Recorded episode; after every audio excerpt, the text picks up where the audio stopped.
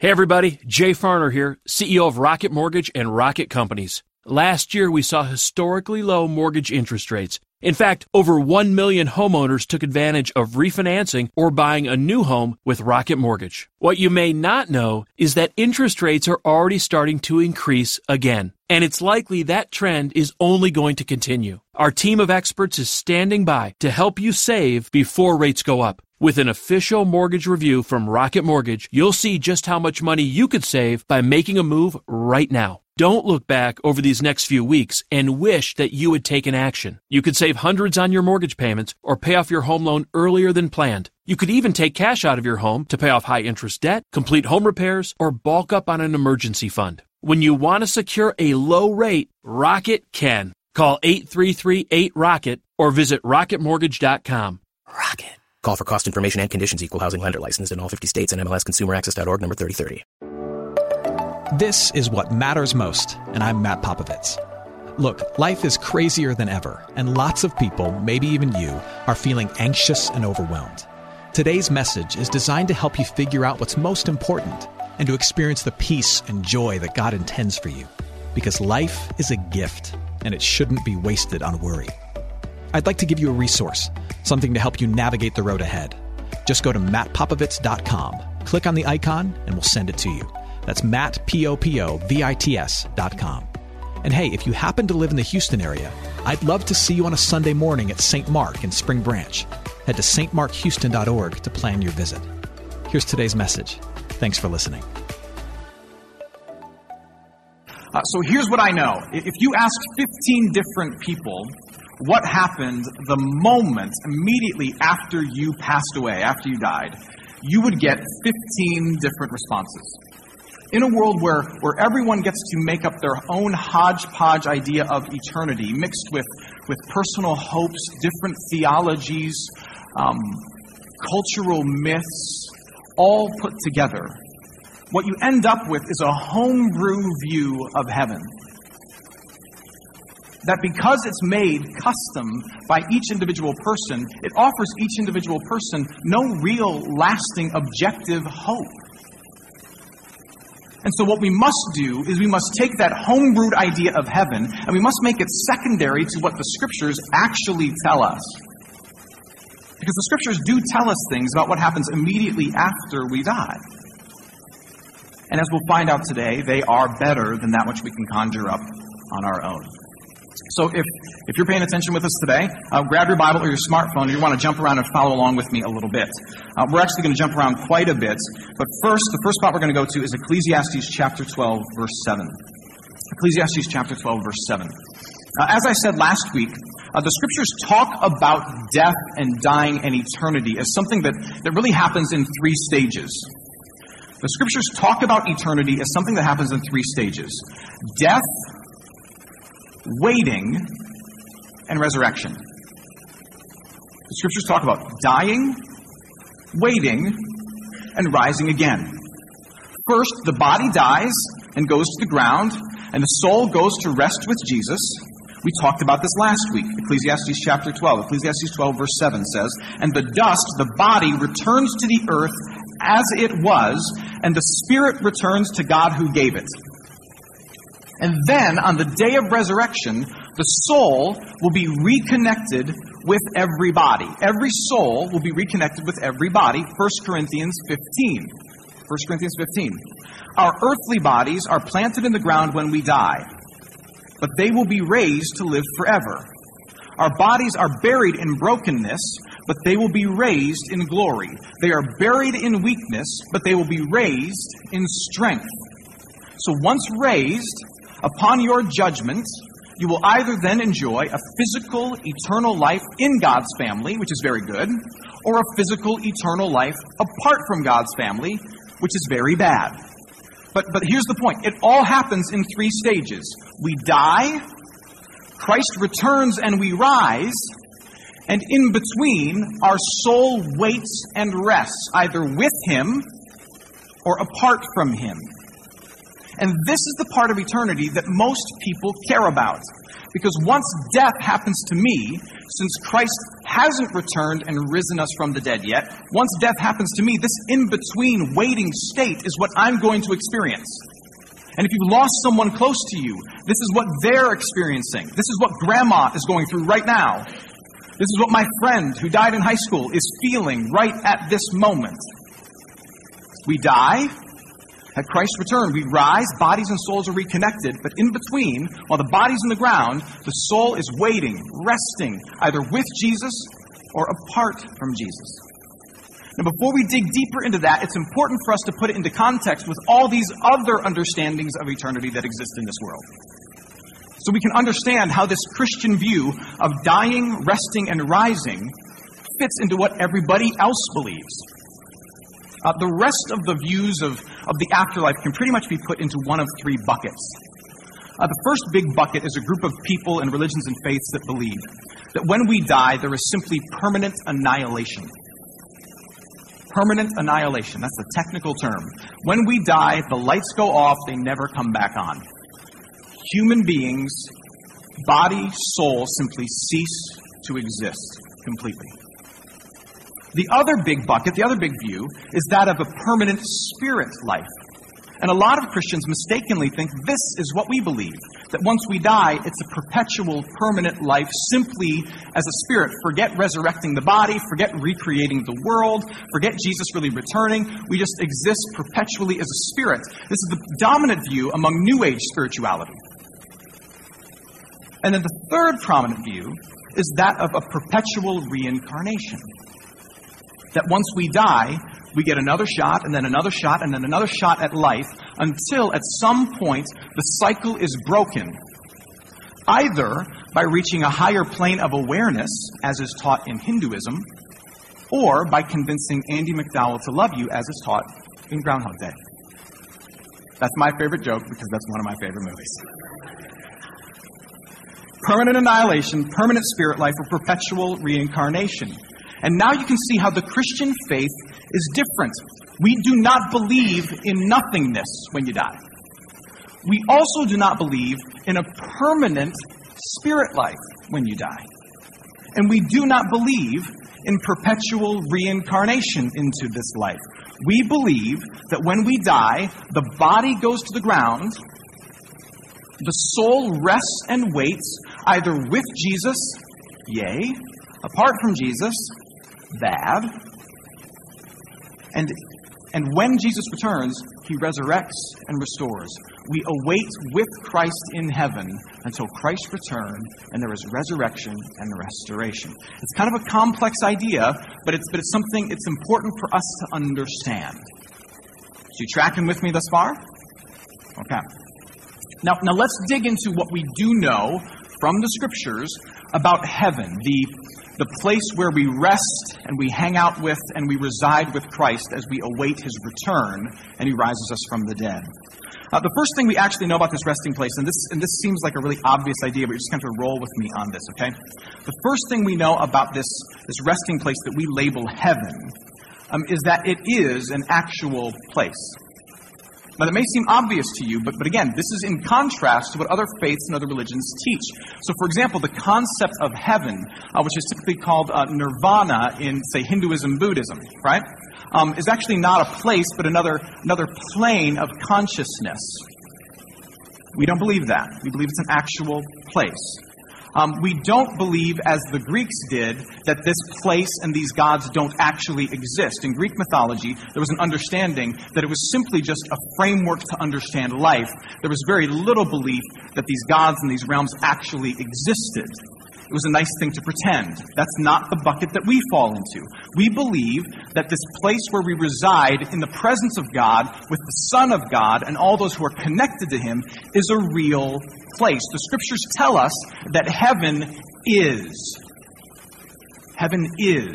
In the same way that, that the Middle East is a place right now where people are sitting down to have dinner. The same way that, that Japan is a place right now where, where people are sleeping, where, where Canada is a place right now where everyone is skiing. We believe. You guys just not, either I'm not funny or you're not awake. It's probably a combo of both, right? So I'm trying so hard, right?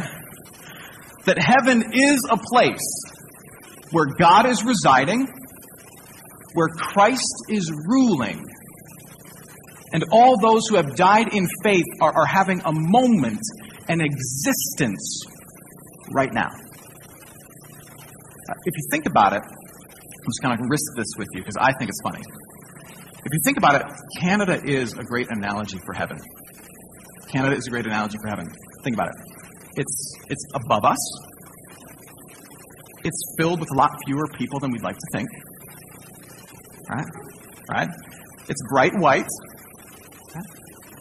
Canada is a great analogy for heaven. You get up there, um, and uh, we tend to forget it exists. Right? All right, I'm just going to stop trying. right? All right. So, so, so while God has clouded our eyes to certain realities, we, we, we, can't, we can't, we believe that heaven is, it's an actual place, but God has kind of clouded our eyes to this reality, okay? We can't go around, we can't knock on heaven's door, peer in and go, okay, you're still there, checking in. God has clouded our eyes to this reality. At times, He does lift the veil and remind us that it's there. Remember last week, if you were with us, the glimpse into the heavenly realities that God gave to Stephen in, in the book of Acts as he was being martyred for his faith. Let, us just jump back there, Acts chapter 7, 55 through 56. It says, But Stephen, full of the Holy Spirit, gazed into heaven and saw the glory of God and Jesus standing at the right hand of God. And Jesus said, uh, and he said, Stephen, behold, I see the heavens opened and the Son of Man standing at the right hand of God. Second thing we know about this place where we rest and reside with Christ until his return is that our arrival there upon our death is immediate. It's immediate. It's something that we enter into, either that life with Him or apart from Him, right away. And the greatest proof of this is from Christ Himself And what we just read earlier in the service. Let me read this again. Luke 23, verses 39 through 43. One of the criminals who were hanged railed at Jesus, saying, Are you not the Christ? Save yourself and us. But the other rebuked him, saying, Do you not fear God, since you are under the same sentence of condemnation? And we indeed justly, for we are receiving the due reward for our deeds. But this man, Jesus, has done nothing wrong. And he said, Jesus, remember me when you come into your kingdom. And Jesus said to him, Truly I say to you, today, today you will be with me in paradise. Uh, maybe you've heard of the doctrine or the idea of, of purgatory where you, you die and you rest, but you are neither with God or apart from God. You're kind of waiting and getting a second shot at salvation. Uh, other schools of thought teach the idea of what's called soul sleep. Soul sleep, where you go into some kind of spiritual holding tank, completely unconscious until Jesus' return. But both of those teachings are false. I mean, look again at what Jesus says to the criminal by his side, the criminal who had come to faith to believe that Jesus was an innocent man who was who he said he was, said to Jesus, Remember me someday. Future oriented words. Remember me someday when you enter your kingdom. What is Jesus' response? You will enter my kingdom. You will be with me, not someday, not after you sit in purgatory and work out your sins, not after you fall asleep and fill out some forms, not someday in the future, but today. Immediately after we die, you will be with me in my home, in my paradise today. For those of you who are theological nerds, um, here's, what you need to know. The idea of soul sleep, which is very popular, uh, this idea that, that we die and we unconsciously await judgment, is derived from a very narrow and, and ultra literal view of really two verses in all the scriptures. Uh, likewise, the, the obscure and relatively new in the whole scope of history doctrine of purgatory rose to popularity not because it has any biblical basis at all, but because some backward church leaders needed a fundraising tool where they could literally walk around to people and say, hey, your relative is stuck in this in between state, but here's the deal. Every time, and this was the literal phrase that John Tetzel used, every time a coin hits the coffers, a soul springs from purgatory. Help us build St. Peter's Basilica. And that's how it was built. But it's a false teaching. The truth is that when you die, you will not wander, You will not wonder. You will not be sleeping and stored away. You will either immediately be with Jesus enjoying his presence or apart from Christ wishing you were. Immediately. I hope you're enjoying today's message. For more of what matters most, you can head to mattpopovits.com. There you'll find other messages. You can support this ministry as well as access your free gift. Oh, and if you're looking for a local church and you live in Houston, come and see what's happening at St. Mark Houston. To plan your visit, head to stmarkhouston.org. Thanks for listening, and back to today's message. Now, if you're anything like me, you look at all of that and you see kind of that as background information to what you really want to know. What you really want to know is what is this place of being in God's presence? What is it really like? Will we have glasses there? Will we get wings there? Will, will there be pets there? Will they have bacon there? As my daughter puts it, will there be activities in heaven, Dad? I say no.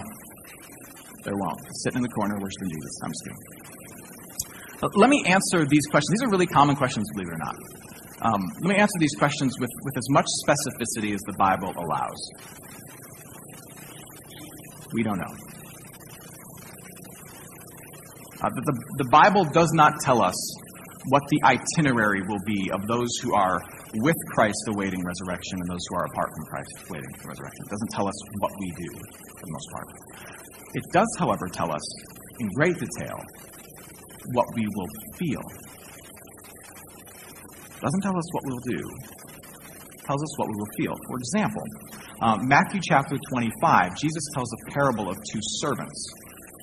And in this parable, he offers us a glimpse of what we will what we will feel after death, either when we're with him or apart from him. Matthew 25, starting at verse 21. One servant is told this Well done, good and faith filled servant. You have been faithful over a little. I will set you over much. Enter the joy of your master. This is a parable about the future, about life, death, eternity in the kingdom of God faith filled servant, enter the joy of your master. And to the other, the unfaithful servant, the one who lacked faith in the love and trust and goodness of the master, was told this Cast the worthless servant into the outer darkness. In that place, here's the key, where there will be weeping and gnashing of teeth. Weeping and gnashing of teeth was a first century phrase, was first century idiom to describe deep, deep regret. You know that feeling when you're in an argument with your spouse and you put your foot in your mouth and you wish you could grab those words right out of the air before they slap your spouse across the face? But you can't. And she takes it personally and she walks out of the room. And in all those moments, you get this deep sense of, oh man, I, this is so my fault. I've completely missed the boat and I wish I could do this over. You know that feeling? take that feeling, turn it up to 11, expand it to eternity, and that, Jesus says, is the best description of hell. On the contrary, Jesus says that life in what we call heaven, life in his presence, is one of joy and satisfaction. It's a, it's a satisfaction of contentment uh, that comes from being in the presence of the Master, that comes from being the presence of the one who made you, who knows you, and who loves you best. But the contentment and the peace that Jesus talks about, that we will experience when we enter his presence on the day of our death, the moment of our demise, is a contentment that comes not from doing, but from simply being and resting in his presence. And when Jesus says, Enter the joy of the Master, the implication is that for all of our doing, for all of our effort, for all of our trying to make ourselves content in this world, we have no idea the kind of contentment and joy and peace that is awaiting us. Uh, as one preacher puts it, um, he says, Right now we know only the fringes of joy.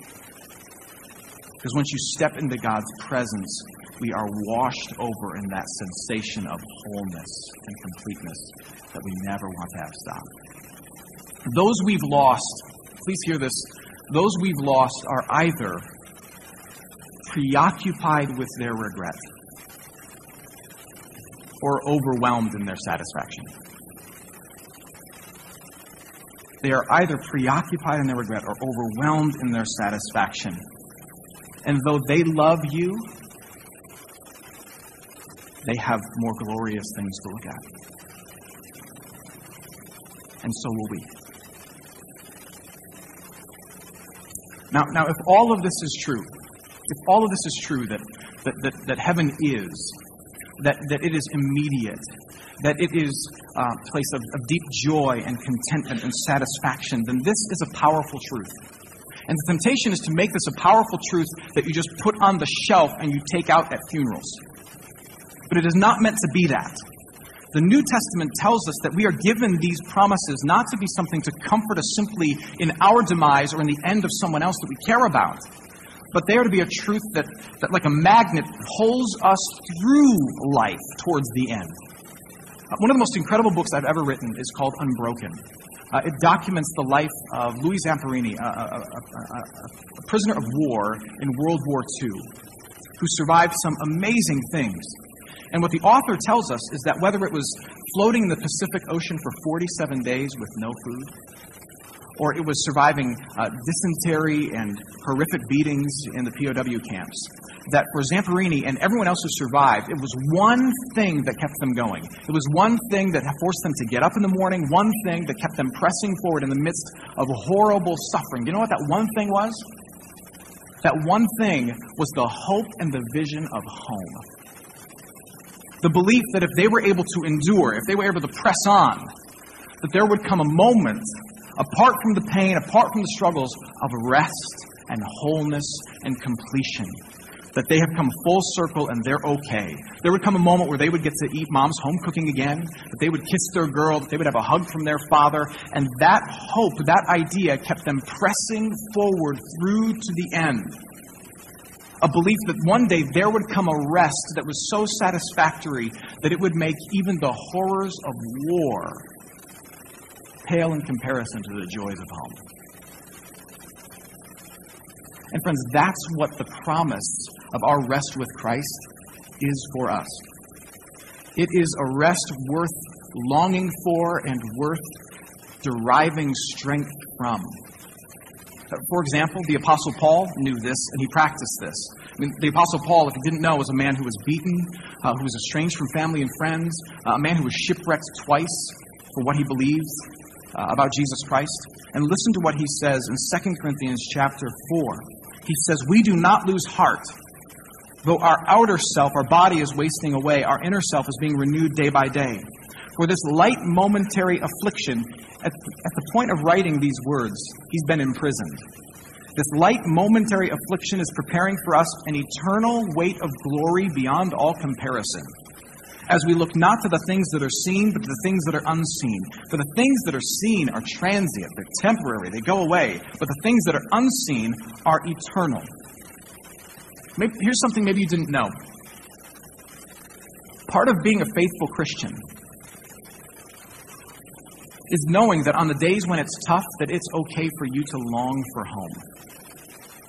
It doesn't make you an escapist, it doesn't make you hate this world. It just makes you have a tangible hope in things that God has actually promised. On the days that this world leaves you a wreck, it's okay to look forward to the rest to come. On the days that, that you can't take it, uh, on the days where there are, are, are deep moments of frustration, you can look forward to it. Enjoy this life, endure this life, be a good steward of this life, but know that there will come a rest from this life where you enjoy the deep satisfaction of Jesus and allow that to drive you through the days toward that glorious end.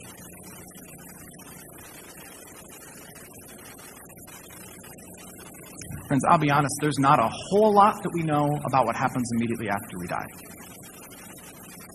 There are a lot of questions. There are a lot of gaps. And ultimately, you can, you can choose to do what a lot of people do with those gaps. You can you can fill in those gaps with your personal hopes, different theologies, cultural myths, subjective stories, and you can have a homebrewed idea of what happens next. Or Or you can take what we do know and believe that it's true. You can take the little we do know and believe that it is enough. And allow it to carry you through the struggles of today into the promises that Christ has for you tomorrow. Knowing that when you die, you will rest with him, and at his return, you will rise with him. Amen. Hey, it's Matt. I hope you enjoyed what matters most. Here's what I need you to know life is a gift, and it shouldn't be wasted on worry. I want to help you figure out what's most important and to experience the peace and joy that God intends for you. So, for more content, you can head to mattpopovits.com. That's Matt, P O P O V I T S.com. There, you can also support this ministry as well as access your free resource, a little something to help you navigate the road ahead. I'd also love to see you on a Sunday morning. If you're in the Houston area, head to stmarkhouston.org to plan your visit. In the meantime, hit me up on Instagram at mpopovits or at facebook.com slash Matt Popovits Ministries. Thanks for listening. Now go and hold tight to what matters most.